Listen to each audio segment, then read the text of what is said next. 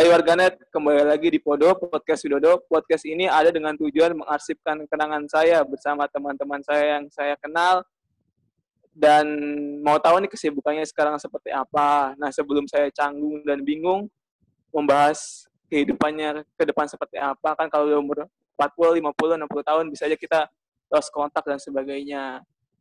Nah, saya lagi pengen bahas tentang kenormalan baru di era COVID-19 bersama saya kalau kita bisa bilang kita bertiga ini geng yang tidak terkenal ketika SMA.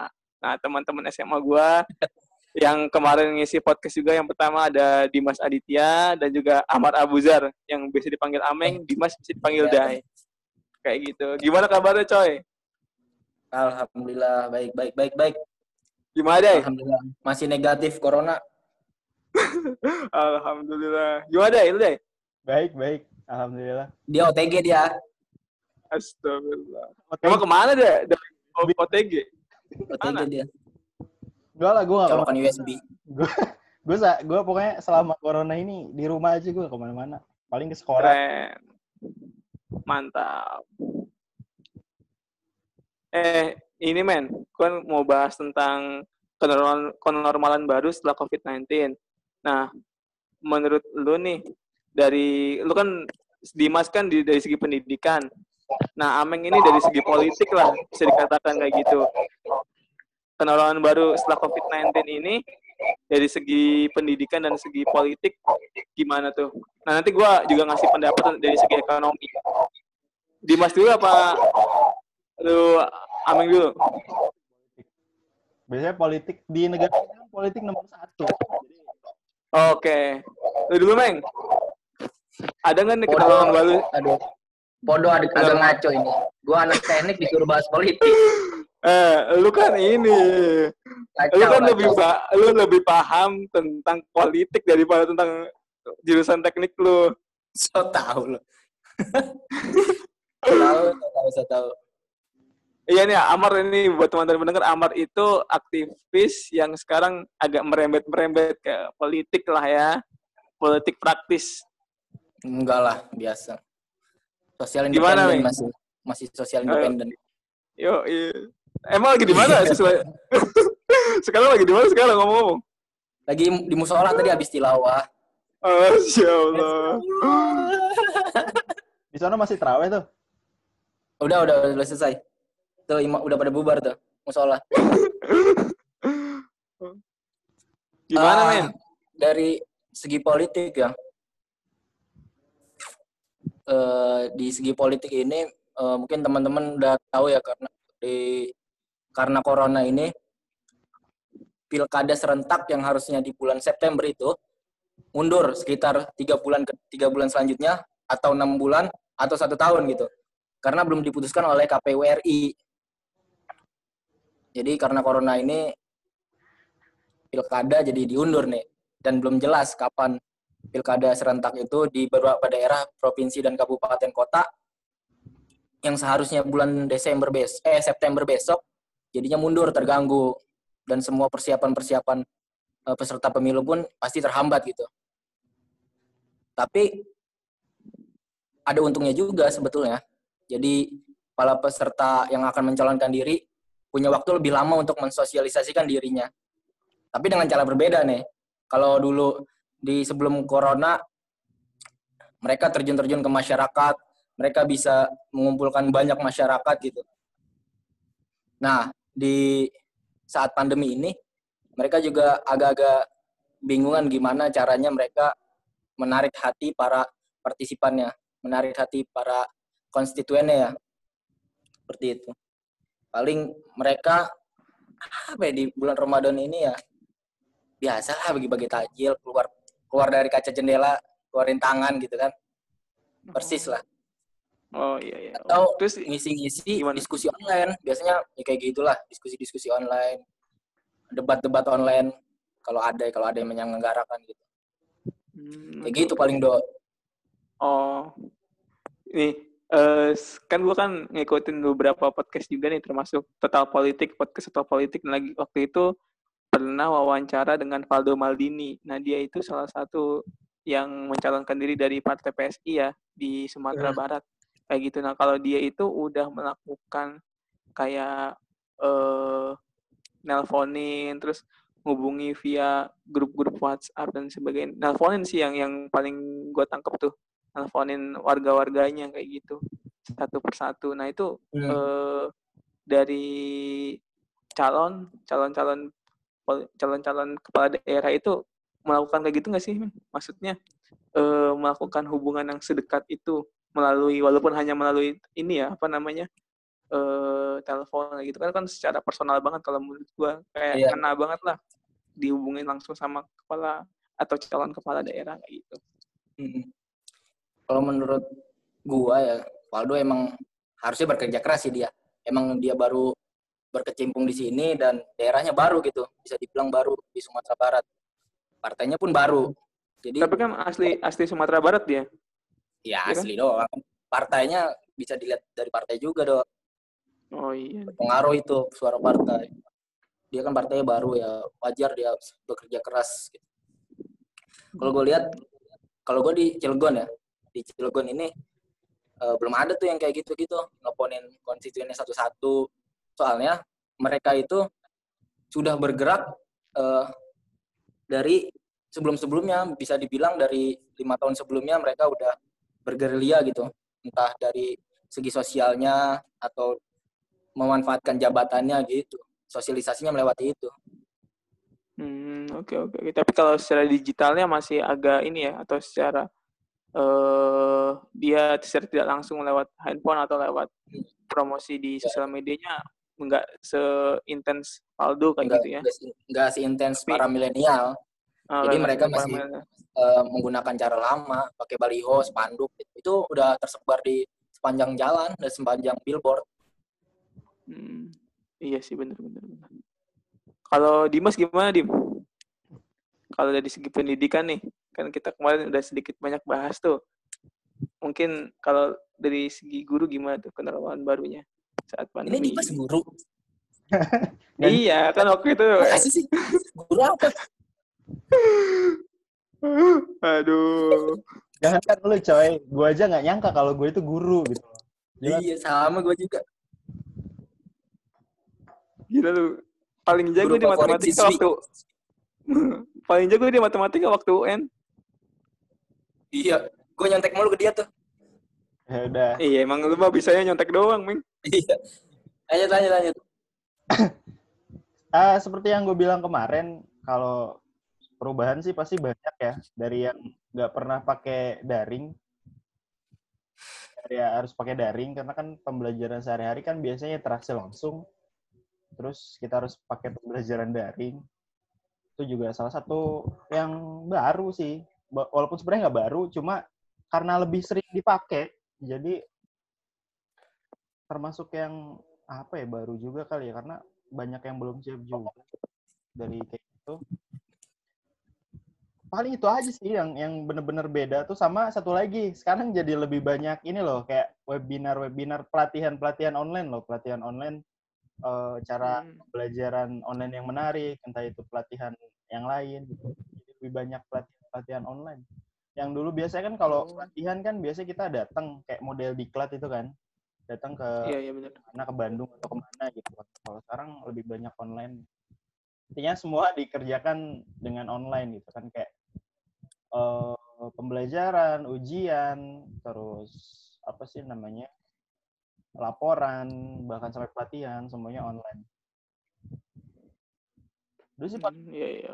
nggak nggak ada maksudnya sama kayak kemarin gua kasih tahu di podcast sebelumnya masih dan satu lagi kayaknya kalau misalkan nih wabah nggak nggak kelar kelar ya mungkin kemarin juga kan baru ada yang naik juga tuh isu kemungkinan itu tahun ajaran bisa mulai bulan Januari nah nggak tahu deh, Sama ya. dari Jan dari Juni ke Desember nggak tahu deh nanti ngapain makanya kan Menteri Pendidikan kita kan udah nyiapin pembelajaran eh, di rumah satu tahun tuh. Nah itu Iya. kemungkinan kalau misalkan nggak berakhir, belum berakhir gitu, belum belum menemui titik terang, ya tahun ajaran bisa geser ke Januari. Dan ini bukan yang pertama, kalau nggak salah waktu kemarin gue rapat di sekolah, kalau nggak salah dulu pernah deh uh, tahun ajaran itu mulai bulan Januari. Gue lupa Hmm. tahunnya berapa, bisa searching lah. Paling Oke. Dulu kali catur bulan. Ya, Pak. Catur bulan. Ini kan dari Januari kalau catur bulan. Zaman dahulu banget ya Anda, Bapak. dia tua. Ketahuan betul umurnya. Anda Iya, berdua. teman-teman. kan kalau gue kan masih 20-an gimana. Paling itu sih, Rip, kalau Emang pendidikan sih. Oke oke siap siap. Ini men, eh, kalau menurut gue nih yang setelah kalian jelasin nih segala sesuatu kenormalan baru yang ada di atau saat corona gini tuh menciptakan atau menghasilkan efisiensi secara waktu dan biaya ya. Nah, kalau efektivitas efektivitas pelaksanaannya gimana tuh? Nah, maksud gue kan kayak tadi Ameng nih, kalau yang normal kan biasanya lewat eh, baliho-baliho itu kan modalnya gede dan harus pasang iklan dan sebagainya. Nah, kalau Valdo Maldini kan dia lebih hemat lewat promosi di sosial media atau telepon kan lebih terjangkau lah dibandingkan dia pasang baliho dan sebagainya. Begitu juga di pendidikan kan, di pendidikan kan secara waktu, secara biaya itu kan lebih efisien lah dibandingkan kita harus murid harus datang, guru harus datang ke sekolah dan sebagainya itu. Tapi efektif nggak menurut kalian? Itu setelah mau dari Dimas dulu atau Ameng dulu? Meng, em. Biar ngurut. Masa lu pertama gua tiba-tiba ini? Ya kan podo, bebas aja bebas. Gue ya. Kalau menurut gue sih, kalau efektif sih udah jelas enggak pasti. Kemarin juga kan banyak keluhan juga kan. Salah satunya eh, terlalu banyak tugas dari guru, terus terlalu boros kuota juga. Kan kalau lu pembelajaran langsung kan eh, bisa datang ke sekolah gitu ya, paling ongkos lah gitu ya. Kalau misalkan belajar di rumah kan lu harus stay atau harus siap kuota. Sementara kan beda loh eh, sekolah dengan universitas. Kalau universitas kan berapa ngasih kayak ngasih bantuan ya? Dari Kema- kota ya? Eh, bantuan kota. bantuan kuota kan. Kalau sekolah kan nggak ada. Artinya kan siswa harus benar-benar modal sendiri. Kalau eh, efisiensi sih kayak mendingan masuk secara langsung, interaksi langsung gitu. Terus juga nggak semua itu bisa, coy. Maksudnya nggak semua bisa belajar daring kayak yang kemarin gue bilang gitu. Ada beberapa kan yang emang nggak bisa dan nggak dapet atau bahkan nggak punya HP atau sinyalnya jelek gitu kan. Dan kalau dibilang efektif, efektif. Kurang efektif ya, Dim? Kurang lah pasti. Hmm, Padahal itu untuk daerah Jabodetabek yang secara sinyal dan kualitas internet lebih baik dibandingkan daerah-daerah lain gitu kan. Karena kan nggak semua pakai si pati, men. Aduh, gue jadi nyebut. Iya. Nggak semua pakai si merah tuh. Kadang ada yang pakai si kuning, si oren kan ya. Lo tahu? Oren yang 117. Iya, kalau si Yang oren, penting kalau si oren hujan kan hilang tuh sinyal kan. Soalnya gue Iya, pernah iya. itu kejadian. Jadi gue udah mau mulai pembelajaran nih ya, pembelajaran online. Tiba-tiba hujan. Karena gue pakai si oren hilang, akhirnya mundur tuh. Hmm, makanya pakai si hijau Yoi. yang ada hidayahnya. Pakai yang ada anti gledek halilintar dong. Pokoknya kalau dari segi Yoi. agak kurang efektif kalau dibandingkan sebelum wabah itu udah jelas banget. Cuma ya seperti yang gue bilang sebelumnya mau tidak mau pembelajaran harus tetap berjalan mau gimana pun kondisinya siswa harus tetap belajar. Ya itu salah satu cara yang mungkin bisa dilakukan sekarang. Oke, oke, oke. Kalau lu Meng gimana, Meng? Menurut Apanya? lu kalau misalnya secara persiapan politik untuk calon kepala daerah eh, menggunakan sistem online atau sistem yang istilahnya tidak umum lah, tidak biasa kan masih kebanyakan mayoritas eh, politikus kan masih pakai sistem lama dah. Sekarang kan Hmm. era-era yang milenial pakai sosial media, pakai intinya interaksi digital lah. Menurut lo di era COVID-19 ini bakal lebih efektif nggak nih yang kayak lo bilang, yang kayak Valdo lakukan itu? Kalau efektif sih eh, enggak terlalu ya karena memang kan punya segmentasi masing-masing. Enggak semua aki-aki punya medsos kan. Iya, iya betul Iya betul kan ya. Jadi memang uh, politisi itu harus terjun langsung ke masyarakatnya. Efektif kalau bilang efektif apa enggak efektif ya enggak efektif gitu. Banyak yang terganggu di akibat uh, virus corona ini. Bisa jadi resesnya terganggu. Mereka kan jadi nggak bisa mengumpulkan banyak-banyak banyak orang untuk menyerap aspirasi di dapur kayak gitu. Nggak mungkin kan lewat online ribet juga. Hmm, oke, okay, benar sih. Soalnya kalau, kalau gimana kalau gimana? Efisien ya mereka lebih enak. Online lebih online terjangkau ya. Lebih terjangkau harganya daripada mereka balik ke daerah terus menghabiskan anggaran banyak gitu. Cuman gak efektif benar, sangat-sangat gak efektif. Karena memang e, pemimpin itu harus menyentuh masyarakatnya langsung, nggak bisa cuma menyapa lewat media sosial. Wih, gokil, mantap kalau menurut gue gini men kalau dari segi ekonomi ya uh, kalau bisnis pasti kan uh, yang kayak bisnis bisnis pada umumnya atau konvensional itu pasti turun jauh tapi kalau bisnis bisnis kayak yang dia itu bisa dinikmati dari rumah misal kayak Netflix kayak media-media online kayak YouTube dan sebagainya itu malah meningkat di daerah pandemi kayak gini kan soalnya di rumah aja ngapain selain nonton Netflix atau nonton YouTube atau kita baca-baca media online gitu tuh malah yang udah online gitu malah menurut gue secara bisnis dia atau secara share-nya lebih tinggi gitu.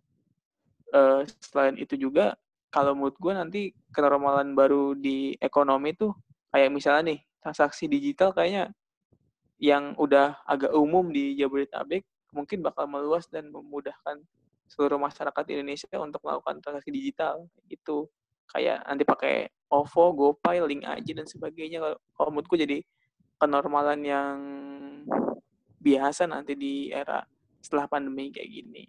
Itu menurut gue kalau dari segi ekonomi sih, pokoknya yang serba digital itu menurut gue atau yang bisa dikonsumsi dari rumah itu udah paling bener deh kalau maksud gue. Kayak Netflix kan dulunya sebenarnya kan cuma perusahaan yang mengantarkan CD atau VCD ke rumah-rumah yang membutuhkan film-film kayak gitu. Nah, sekarang kan jadi penyedia layanan streaming kayak gitu. Itu kan tinggal core bisnisnya seperti apa dan bisa memudahkan masyarakat untuk menontonnya. Gitu kalau dari ekonomi kalau pendapat gue nih. Gokil, gokil. Jadi kan gokil apa aja.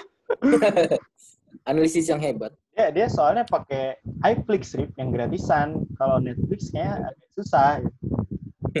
video.com, pakai video.com. Atau video.com bayar lu kalau kalau Liga 1. Iya, bayar. Tapi buat ekonomi UMKM gimana tuh, Bro? Ah, kalau ekonomi Uang UMKM bangkit sih dari pandemi. Sebenarnya ini men, kalau menurut gue ya kalau yang primer-primer gitu, kebutuhan primer kayak misalkan makanan dan sebagainya itu harusnya sih masih bisa survive karena uh, kebutuhan dasar makhluk hidup kan makanan itu hmm. Asal, asalkan asalkan dia itu bisa ini apa namanya uh, diintegrasikan dengan layanan digital. Misalkan belinya itu nggak harus langsung ketemu tapi bisa lewat Gojek bisa lewat Grab atau bisa lewat yang lain-lain kayak gitu. Uh, menurut gua tapi kalau yang kayak misalnya uh, yang udah tersier kayak gitu-gitu misalkan kayak UMKM yang buat misalnya nih buat aksesoris kayak bantal, kayak uh, stiker dan sebagainya kayaknya pasti akan menurun karena orang sekarang uh, lebih memikirkan gue gimana nih sampai kan pandemi nggak tahu kapan selesainya. Mayoritas itu pasti lebih berhemat dengan tujuan selama mungkin bisa bertahan kayak gitu karena gajinya pasti menurun atau pendapatannya menurun dan e, gimana caranya gue bertahan ya mau ini apa namanya paling kebutuhan primernya itu yang sangat-sangat digunakan yaitu makan minum dan sebagainya. Terus kalau mau nyari hiburan juga pasti nyari hiburan yang gratis kayak YouTube kayak gitu kan gratis. Menurut gua. Jadi kalau yang model usaha selain tadi itu apa namanya premier ya primer ya itu bakalan terus dong ya? Kayaknya bakal susah sih kalau yang non primer gitu soalnya ya iya dari yang gue itu di depan gang gue ada rental PS tuh. Hmm. Itu selama apa sih namanya? Selama wabah. PSBB. Iya, tutup tuh dia. Itu. Nggak tahu dia tuh eh, penghasilannya nanti dari mana. Jual itu. PS. Nggak bisa usaha lagi dong. Satu lagi sih teman gue juga Aduh. kebetulan dia usaha counter juga tuh. Nah itu juga agak survive tuh. Maksudnya survive-nya susah karena kan selain tadi yang kalau servis kan emang yang namanya HP rusak kan ya. Cuma yang jadi Iya, iya. salah tuh itu bareng-bareng tuh pada naik gitu kan. Kemarin gue juga sempat ngobrol yang tadinya misalkan lo LCD cuma 300 ribu gitu atau 250 itu bisa naik bisa sampai eh, dua kali lipatnya gitu kan. Karena kan yang model kayak gitu kan kita ini ya apa sih namanya impor ya, nggak produksi sendiri. Iya, bener. Hmm. Nah, itu juga jadi ini juga tuh masalah juga. Iya, iya bener sih, Dai. Terus ini, men. eh gue jadi inget nih. Kalau rental PS itu tutup kan berarti ada kerjaan-kerjaan nih setelah kenormalan baru ini yang bakal ada atau berkurang lah atau nggak ada atau berkurang kayak gitu. Nah, menurut kalian tuh apa aja nih eh, kayak misalnya pekerjaan-pekerjaan yang setelah pandemi gini bakal hilang kayak gitu atau berkurang? Karena menurut gue nih, contohnya tukang parkir nih, tukang parkir. Di mall-mall kan udah nggak ada tukang parkir. Pakainya parkir yang elektrik itu. Trik. Tukang Hmm. parkirnya udah nggak ada. Nah, kayak gitu-gitu nih. Itu kan kalau itu kan karena teknologi. Terus kayak misalnya yang lain kayak apa ya yang gara-gara teknologi itu jadi hilang lagi. Banyak sih beberapa sih yang gara-gara teknologi jadi hilang. Gitu. Nah, menurut kalian ada nggak sih yang bakal berkurang atau hilang kerjaannya karena adanya era COVID-19 ini setelah atau setelah COVID-19 ini? Apa ya? Hmm, bioskop paling bioskop. Berkurang tuh pas itu. Udah lebih Iya, betah ya. dengan Netflix, Netflix dan video.com dan yang lain-lain YouTube. Ya bisa jadi Iya film-film itu nantinya ke Netflix dulu. Eh di Netflix ada, di bioskop ada. Jadinya orang-orang lebih milih di Netflix kan di rumah sambil rebahan kan. Iya sih, wala- walaupun nonton di bioskop kan lebih seru ya. Eh kalau sendiri sih nggak seru. Anjir.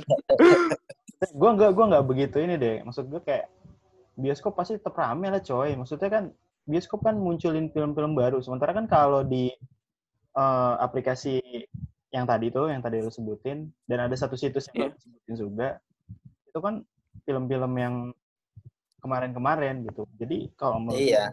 bioskop pasti tetap rame men. Kan gue bilang bisa jadi film baru juga masuk ke situ.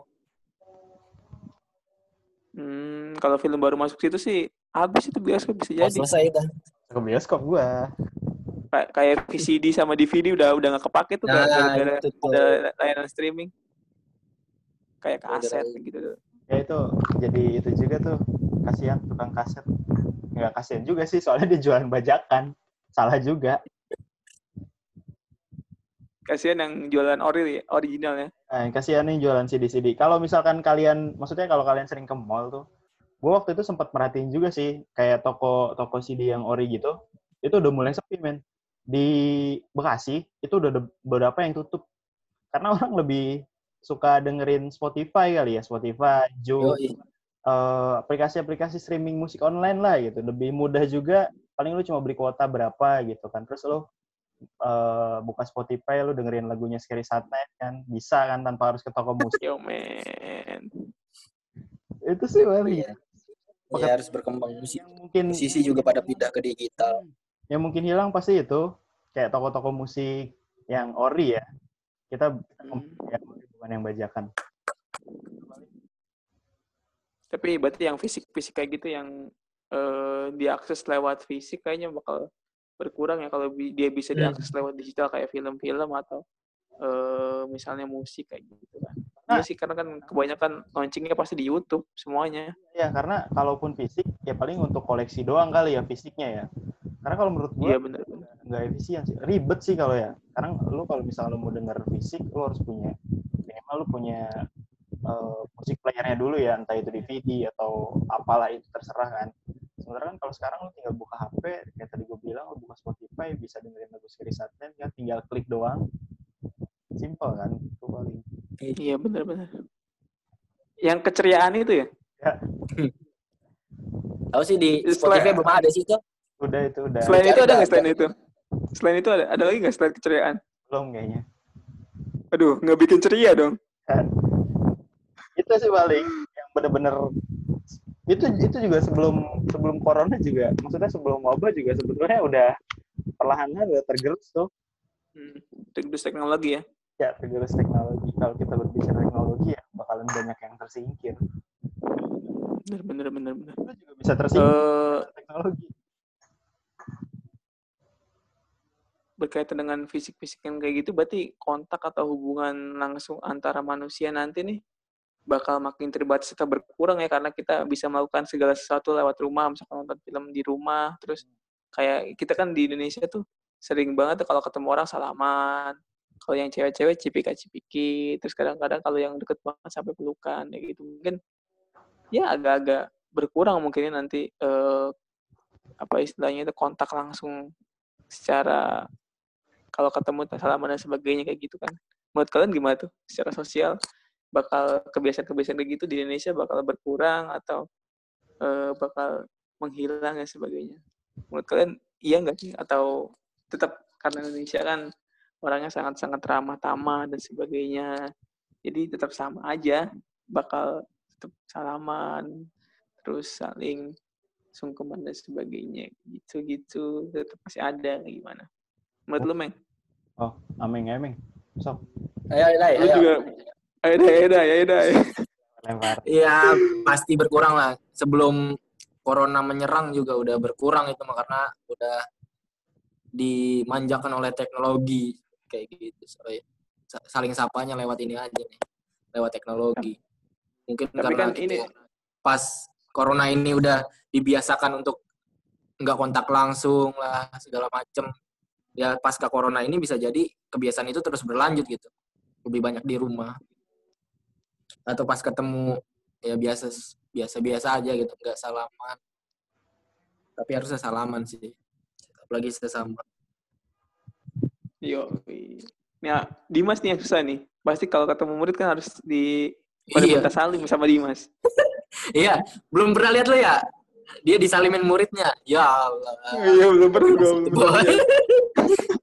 gue masa kita lagi nongkrong ada yang salim ke dia iya iya. nanti kaget lu Tapi kalau kalau tua banget ya guru eh, Enggak kalau lu pernah berarti meng iya kan gue lagi nongkrong berdua sama dia muridnya Iya. nyamperin salim gila itu aduh lu harusnya bangga ke gue nggak ke gue nggak salim ke gue Enggak, enggak. Lu harus lu harusnya bangga, coy. Maksud gua itu tuh satu dari sekian banyak siswa yang kalau misalkan ketemu gurunya itu masih nanya. Ya Sekarang gini, lu zaman dulu gitu gak sih? Kayak kita zaman dulu gitu gak sih kalau ketemu guru paling wajib pura-pura nggak lihat, pura-pura nggak lihat, paling gitu kan. Iya.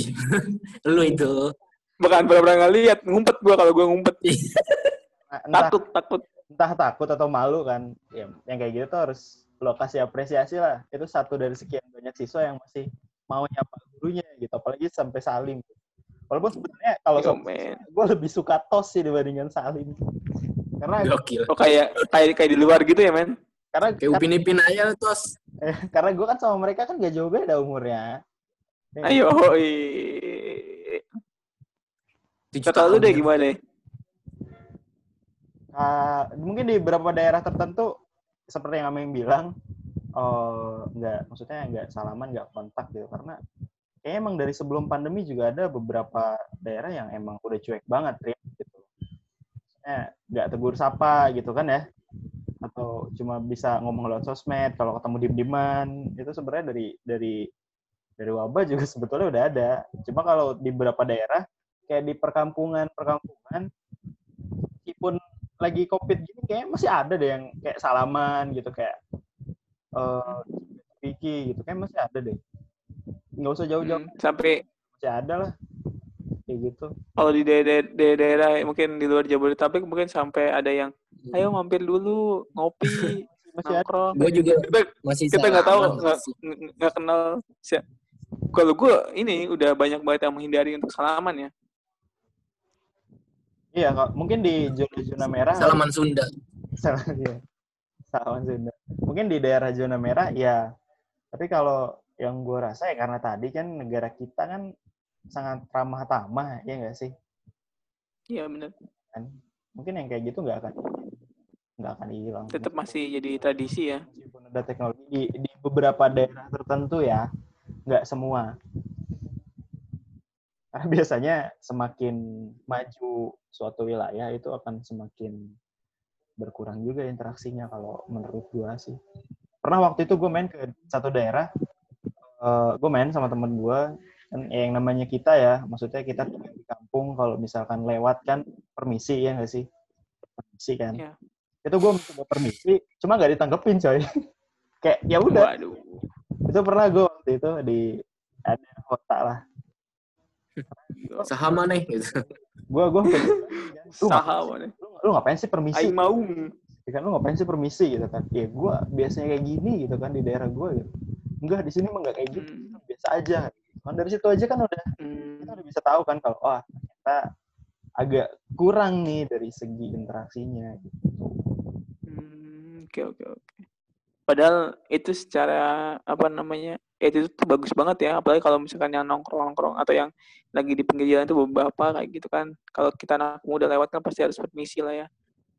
Iya makanya agak sedikit sakit nggak sakit hati sih maksudnya kok aneh gitu ya. Gue lewat sih tapi dicuekin. Itu sama kayak kasusnya ini apa namanya Hmm, Putri Jogja yang anaknya Sri Sultan. Itu waktu itu lewat di eh, jembat atau di penyeberangan mana gitu di Jakarta.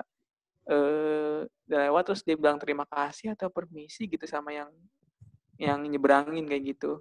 Terus Kalau terus diomongin sama cewek yang belakangnya gitu bilang, "Ih Nora banget ya."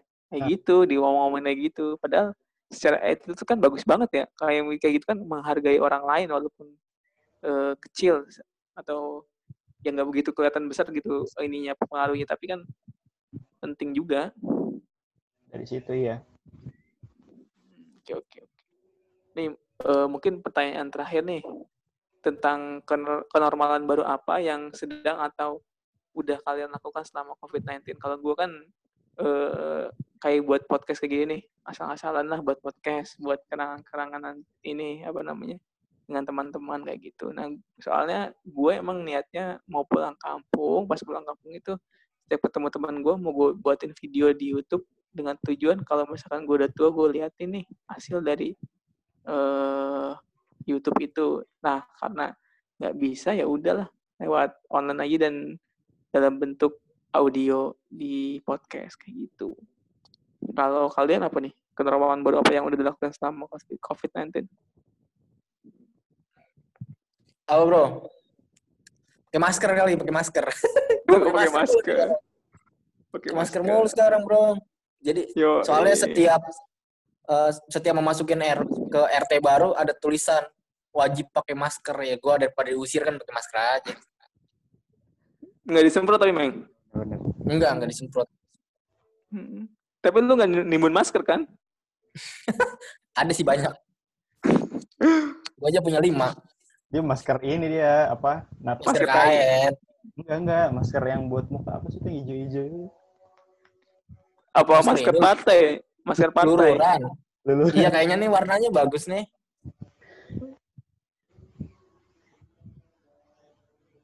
Udah kalau gue sih lebih sering, apa ada lagi? lebih nggak ada nongkrong-nongkrong nih. Biasanya kan ngobrol sama siapa gitu Iya, lah. Biasa biasanya ketemu siapa, ketemu siapa gitu. Ini nggak ada bro.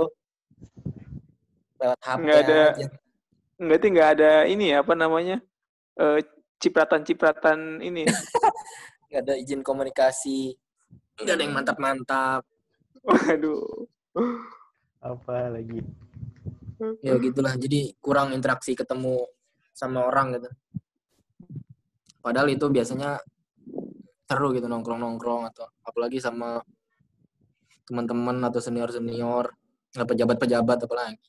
Yo, seru gara-gara di, di ini di traktir makan apa gimana? Enggak lah, kita yang raktir, bro. Yo, men. Beda ya, dia, dia mainnya sama pejabat. Gue mainnya sama bocah mulu, tau gak sih? Enggak. Pejabat RT. Tapi kan lu kan ini dah lagi lagi sedang membangun era ke depannya coy mendidik Yoi. masyarakat anak-anak kan generasi emas depan. 2045. yo men Bahasa ya. Tagline bidik misi. Buat pendengar Arif yang mungkin single ya, gila gak sih lo gue anak orang aja dididik gitu, apalagi anak kita gitu.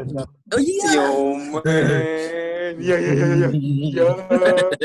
Tapi lama jomblo. Disambut Rip. disambut Kalian kan agak belok berdua. kebetulan yang dengerin podcast gue nih kebanyakan cewek emang Serius. So kan? Serius. Nggak tahu akunnya mungkin Kalau gue hanya doang cewek udah lanjut ya. gimana men ya oke Selain masker tadi ya, paling lebih Iya. sering apa cuci tangan kali ya. Hand sanitizer tuh udah kayak makanan sehari-hari tau gak sih lo? Yang biasanya paling gue cuci tangan kalau mau makan atau kalau habis ngapain gitu ya. Ngorek-ngorek tanah atau ngapain gitu kan. Ini sekarang sampai tangan kotor aja gitu ya ya tangan kotor aja gitu. Ini setiap saat gitu kayak ke pasar atau baru dari mana itu tuh selalu cuci tangan dan pakai hand sanitizer gitu di jalan. Itu sih yang paling Hmm. banget. Sama paling kita hati ya jarang nongkrong kali ya. Lu bayangin men kemarin gua ke McD itu sepi banget. Ya, kayak nggak ada tanda-tanda kehidupan. Bisa nongkrong kan. Terus ternyata ini gimana men ya terus ya itu paling eh, jarang gimana ya karena gue kan emang biasa di rumah jadi nggak terlalu berpengaruh sih ya kalau misalnya Rumah. kalau anak kalau kata anak-anak sekarang tuh yang kemarin gue ngobrol katanya no lab karena gue jarang main jadi gue lebih sering di rumah oh jadi nggak begitu terasa sih jadi ya udah biasa aja gitu gue sering di rumah Hmm, oke oke oke. Ternyata ini mana kalau misalnya nih kita nongkrong itu makanan itu sebenarnya kalau menurut gue pandangan gue nih nggak jadi hal yang krusial sebenarnya. Yang penting kita nyaman aja enak nongkrong kayak gitu ngobrol sama teman-teman. Jadi walaupun kita beli makanan enak terus dibawa ke rumah jadi nggak seenak waktu kita nongkrong makan. momennya sih men iya momennya sih yang bikin enak tuh kayak kita ngumpul-ngumpul gitu kan ya kayak sekarang ini kita lagi ngelakuin podcast itu rasanya feel-nya pasti beda sama ketika kita lagi ngumpul bener-bener ngumpul bareng kan pasti itu. Hmm. Apalagi kan kalau Gak bisa ngelepak, gak bisa ngelepak. kan kalau kalau ketemu Dai kan banyak ini sekarang apa namanya kata-kata bijak yang bisa keluar dari dari Dimas. Ya, Iya, iya, iya. pe- pengalaman ngajarnya kan wah udah luar biasa lah. tentang gue sebetulnya men Bro. gue tuh masih sama seperti dulu cuma hanya memposisikan diri aja ya kali gue di depan siswa gue kan gitu loh gue masih sama aja kok coba tahu men. pendengarnya Arif boleh nanti kontaknya ada di deskripsi ya Ya, Rip, Rip, Rip, kasih Rip. Eh, Anjir di pod- podcast hancur dong kita bertiga men. Parah. parah parah. Nilai edukasinya ini parah. Nggak ada. Emang buat kenangan aja ini, men. Eh, gimana? Ada hal-hal lain nggak yang mau disampaikan nih berkaitan dengan pandemi atau kenormalan baru tentang pandemi eh di tengah pandemi gini di era COVID-19 ini? Gue nggak tahu nih di daerah kalian kayak gimana suasananya. Daerah PSBB kayak gimana. Takutnya gue pas ke sana kaget kan. Pengen tahu aja suasananya. Jangan balik coy. Lu aduh ngerepotin doang. Eh, Cilegon, eh, Banten selain Tangerang belum ada ya yang ini ya, yang PSBB Belum ya? PSBB. Baru Tangerang Raya. Tangerang baru Tangerang Raya ya. Mm-mm. Makanya masih rame aja di sini mah. Masih belum rame. social, Iya, physical distancing belum ya? belum. Nggak tahu sih, tapi masih rame aja jualan takjil, rum, rumpul. Jangan kan di sana men. Di kemarin temen gue juga update tuh dia masih berani gue jualan takjil. Pas gue tanya, gila lu PSBB gitu kan. "Ya gimana men? Gue kalau nggak kayak gini ntar gue makan gitu kan. Ya, iya sih. Iya benar sih. Ya, kadang Iya, betul. ekonomi juga ini ya. Hmm. Karena kan nggak mungkin dong dia cuma mengharapkan bantuan gitu. Bantuan mungkin dapat, cuma kan kayak manusia ya, manusia kan pasti selalu ngerasa kurang ya.